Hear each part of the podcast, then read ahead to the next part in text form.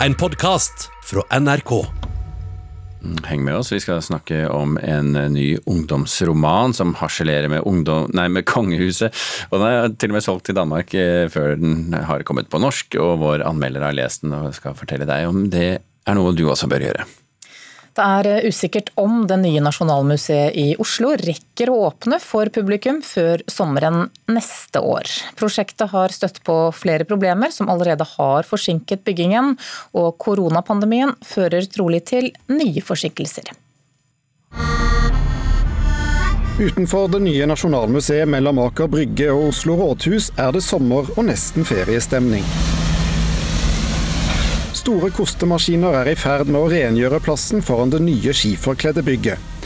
Det kan se ut som siste finish, men på innsiden blir det lite ferie. Statsbygg jobber på spreng med å gjøre Nasjonalmuseets nye hjem klart for innflytting av kunst og ansatte. På godt og vondt så ser det ut som en innspurt. Det er eh, heldigvis aktivitet på mange områder. Avsluttende, kompletteringer, tilkoblinger, testing. Steinar Støre er prosjektdirektør hos byggherren Statsbygg. Når Stortinget denne uken bevilger de siste pengene, så er han ansvarlig for at prosjektet lander trygt innenfor budsjett på 6,15 milliarder kroner. Det har ikke manglet på utfordringer underveis. Konkurs hos en dørprodusent og vanskeligheter med teknisk anlegg ga prosjektet en kraftig forsinkelse i fjor. Dessuten har det vært problemer med materialvalg på deler av bygget. Et eldgammelt eiketre fra Tyskland døde av uønskede bakterier, og stadig dårligere valutakurser har gjort ting dyrere. Det er klart det har vært svært utfordrende. Eh, og eh, det er klart at vi hadde jo ønsket at vi skulle kommet lavere enn det vi gjør nå, selv om vi holder kostnadsrammen. Eh, men det er riktig at en del av de hendelsene vi har vært utsatt for, har jo kostet prosjektet svært mye penger. Planen var at bygget skulle være klart for innflytting innen utgangen av juli. Så kom koronapandemien og ny utsettelse. Nå er august i sikte. Vi kan ennå ikke sette en åpningsdato med sikkerhet. Kommunikasjonsdirektør ved Nasjonalmuseet Eirik Kydland sier det er vanskelig å anslå hvor lang tid de trenger for å gjøre alt klart til åpning, før de selv har overtatt bygget. Det skal også gjøres en del testing, bl.a. av inneklimaet kunsten skal bo i. Den datoen som man nå diskuterer som en overtakelsesdato, den, den er det fortsatt en del usikkerhet tilknyttet til. Og det er Statsbygg som har ansvaret for å, å ferdigstille bygget og, og, sørge for at det blir klart, slik at vi kan ta den avgjørelsen at nå er vi klare for å ta igjen kunst. Og idet vi kan gjøre det, så kan vi også bestemme når, eh, når, museet kan åpne for publikum. Nasjonalmuseet håper å doble besøkstallet i nytt hus, og ser for seg én million besøkende i løpet av åpningsåret. Da er det viktig å rekke sommersesongen. En sommersesong er viktig uh, for Nasjonalmuseet, selvfølgelig. Samtidig så er det sånn at man må liksom innse at dette er en type prosjekt som tar tid. Det er et enormt og komplekst bygg. Og så er vi sikre, for, sikre, på at gevinsten vil bli desto større når vi på andre sida kommer ut um, og har et ferdig nytt nasjonalmuseum uh, som folk vil ha glede av i mange, mange år uh, fremover. Reporter her Thomas Alvarstein Ove.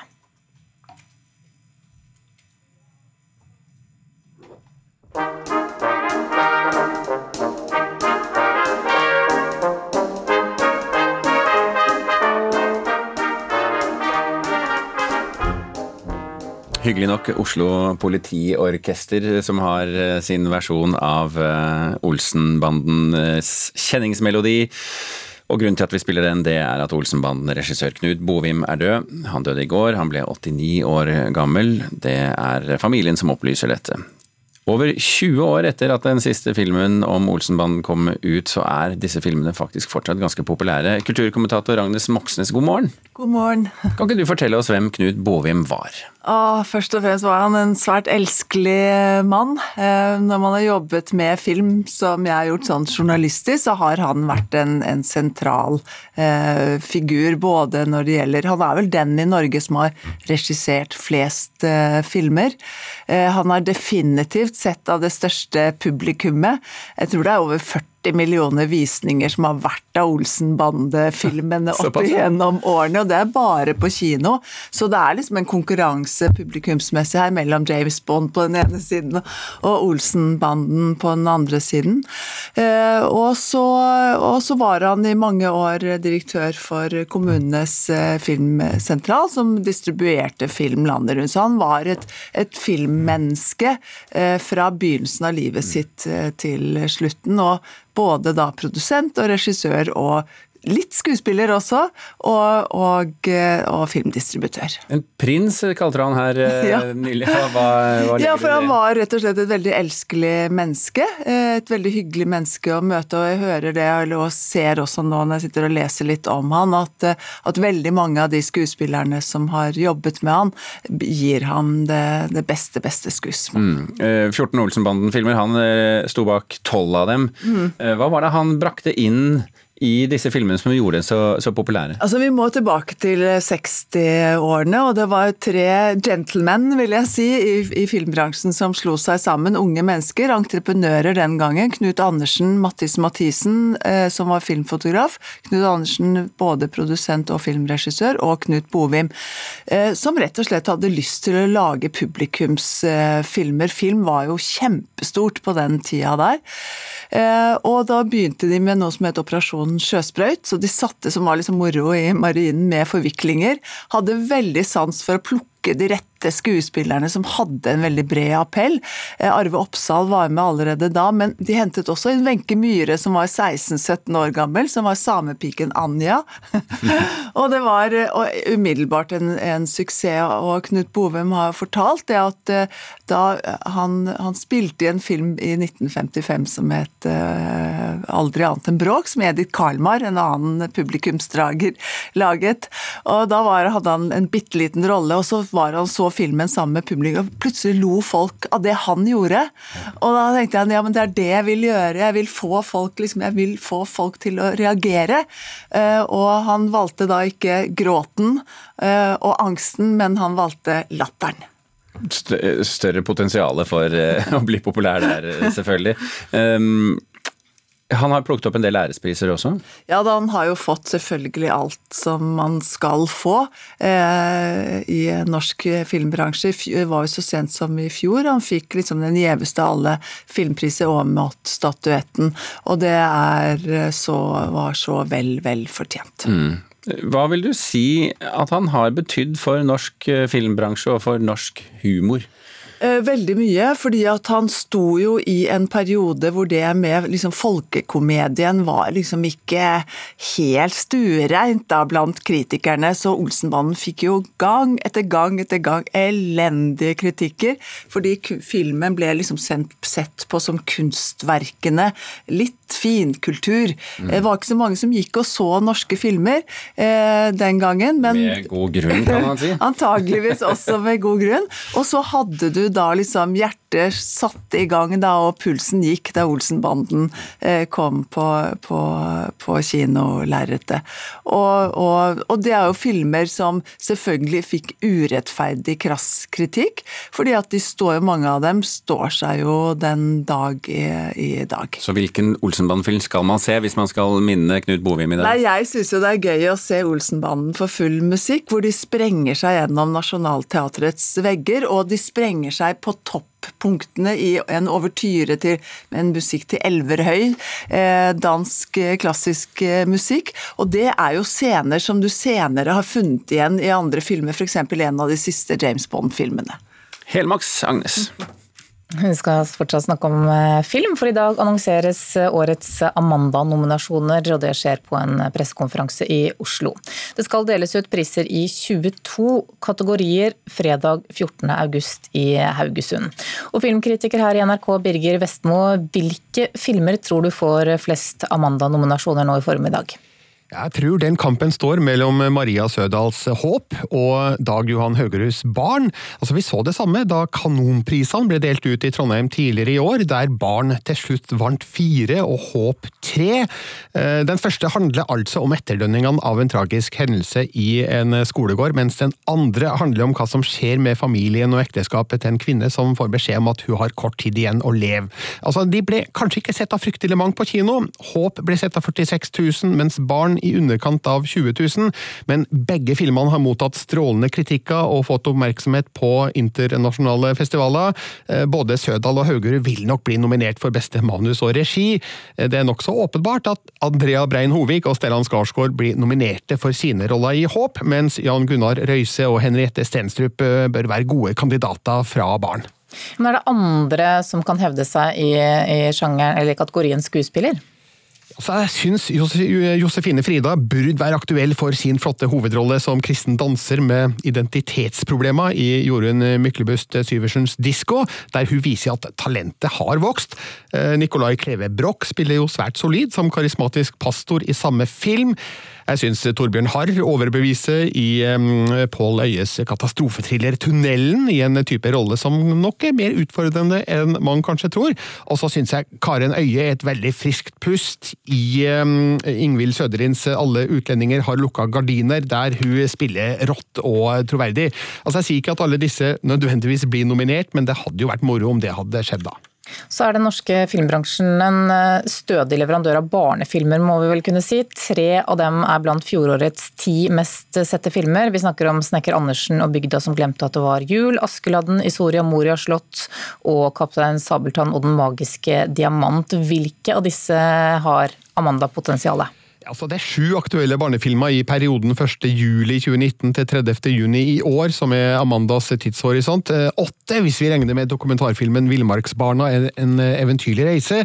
Eh, nå har jeg dessverre ikke sett alle, og kan derfor ikke mene noe bastant, men eh, jeg syns jo 'Askeladden' i Soria Moria slott av Mikkel Brenne Sandemose var et vellykka filmeventyr i stort format for hele familien. 'Kaptein Sabeltann' og 'Den magiske diamant' av Rasmus A. Sivertsen og Marit Moum Aune syns jeg en imponerende animasjonsfilm av internasjonalt format, mens krigsdramaet 'Flukten over grensen' av Johanne Helgeland bringer jo da et velkomment alvor inn i sjangeren, så de tre tror jeg kanskje kan eh, hevde seg.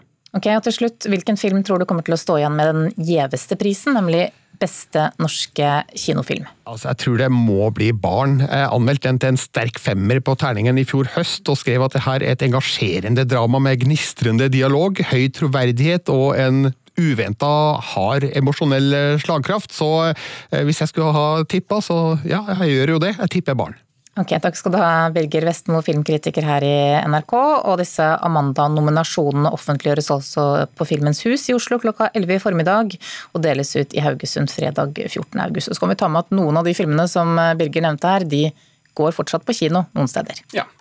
Eh, fra historier fortalt på film til historier fortalt i bok. Fordi flere norske og danske forlag har nemlig kjempet om å få utgi den norske ungdomsromanen 'Arvingen', som kommer denne uken.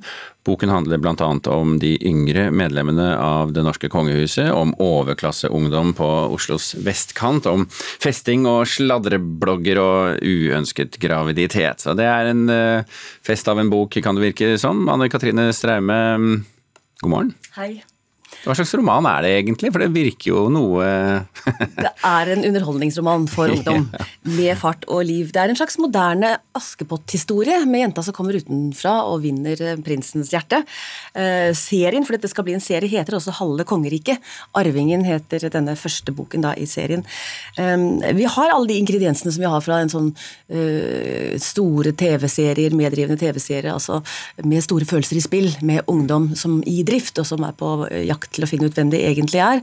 Det forfatterne har gjort, Anne Gunn Halvorsen og Randi Fuglehaug, er at de har diktet opp et tvillingpar i den norske kongefamilien. Det er kronprins Karl Johan, og så er det prinsesse Margrethe. Og de begynner da på en vestkantskole i Oslo, på videregående, som ligger da et stenkast fra Skam-skolen. Eh, og man kan jo tenke seg at de har TV-serien Skam? TV-serien Skam, ja. At de har hatt den i bakhodet, disse forfatterne, når de har skrevet denne boken. Ja, er det andre ting som tyder på det? Annet enn selve skole, skoleplasseringen? Ja, det er jo nettopp eh, en del av de temaene som de tar opp. Altså, Skam er et eh, tema her. Vi møter um, Lena, som er hovedpersonen egentlig, som kommer fra Horten til Oslo med familien sin. Mor, far og lille Theo, som vi etter hvert skjønner ikke er lillebroren, men som er hennes sønn. Hun er blitt uønsket gravid som 15-åring. Eh, I tillegg så har hun drevet en sladreblogg, News, hvor hun har lagt ut pinlige bilder, uønskede bilder av andre. Um, og da er jo spørsmålet altså hun forelsker Ikke noe snill Askepott, med andre ord. ikke noe snill Askepott, og det er egentlig litt morsomt at den moderne Askepott ikke er et gudsord fra landet, men en jente som har gjort seg sine dyrekjøpte erfaringer i livet. Hun forelsker seg selvfølgelig i prinsen, og prinsen forelsker seg i henne. Men det er duket for forviklinger, for hva vil han si? Han som hater løgn og forstillelse, når han finner ut hvem hun egentlig er, og hva hun har gjort tidligere i livet. Eh, eh, Men er dette knyttet til den norske kongefamilien slik vi kjenner den også? Ja, så Man kan jo få klare assosiasjoner til Håkon og Mette-Marit, eh, som jo også er en slags eh, Askepott-historie, vil mange si.